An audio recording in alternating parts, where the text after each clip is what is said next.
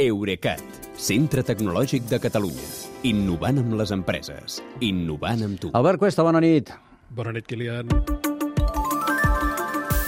Aviam, això ens ho hauràs de- d'explicar bé. Bé, com sempre tot, eh? Mini centres de dades per escalfar l'aigua de piscines climatitzades?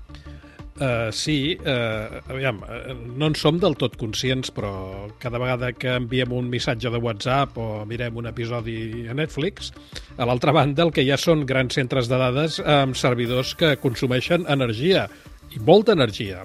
I bona part d'aquesta energia no és per fer funcionar estrictament els aparells, sinó per refredar-los. Sí.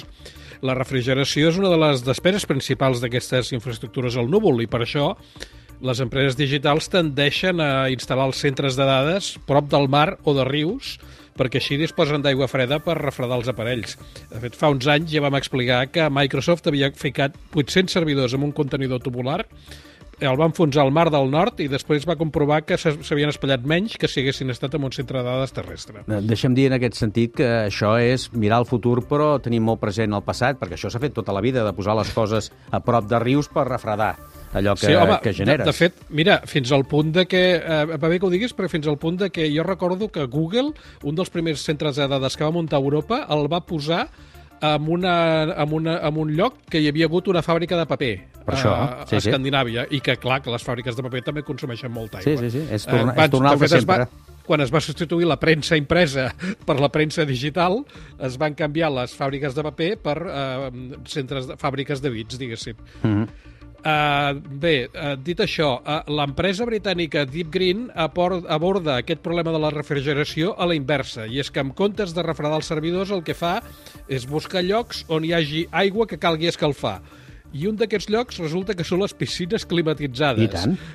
El preu que val l'electricitat, cada vegada n'hi ha més que no poden assumir el cost i eh, es veuen abocades a tancar. Doncs amb aquesta gent, Deep Green els ofereix instal·lar-los uns petits centres de dades de la mida d'una rentadora que dins porten eh, uns quants servidors que van submergits amb oli mineral que agafa prou temperatura com per fer-lo per fer-lo circular per un intercanviador de calor que el que fa és escalfar l'aigua a la piscina i la manté a uns 30 graus durant el 60% de la jornada.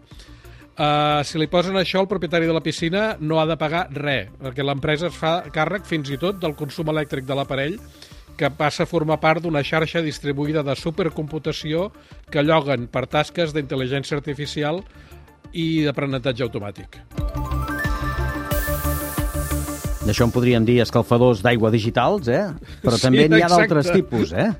Sí, eh, sobretot els llocs on, eh, on les llars les escalfen amb canonades d'aigua calenta, que en molts casos eh, també procedeix de grans centres de dades. Eh, allà és habitual que paguis el rebut de la calefacció segons la diferència entre la temperatura de l'aigua que t'arriba i la de l'aigua més freda que retornes a la xarxa.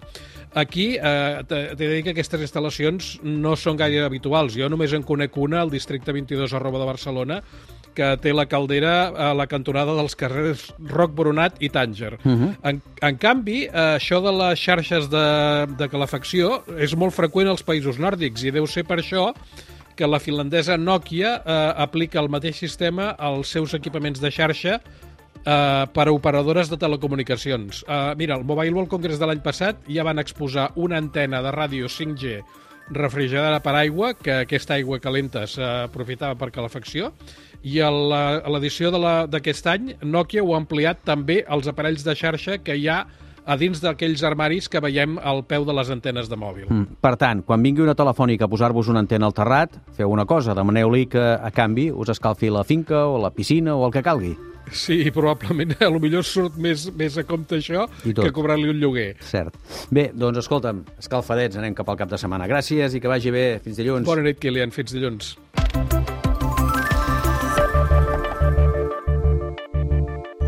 Eurecat, centre tecnològic de Catalunya. Innovant amb les empreses. Innovant amb tu.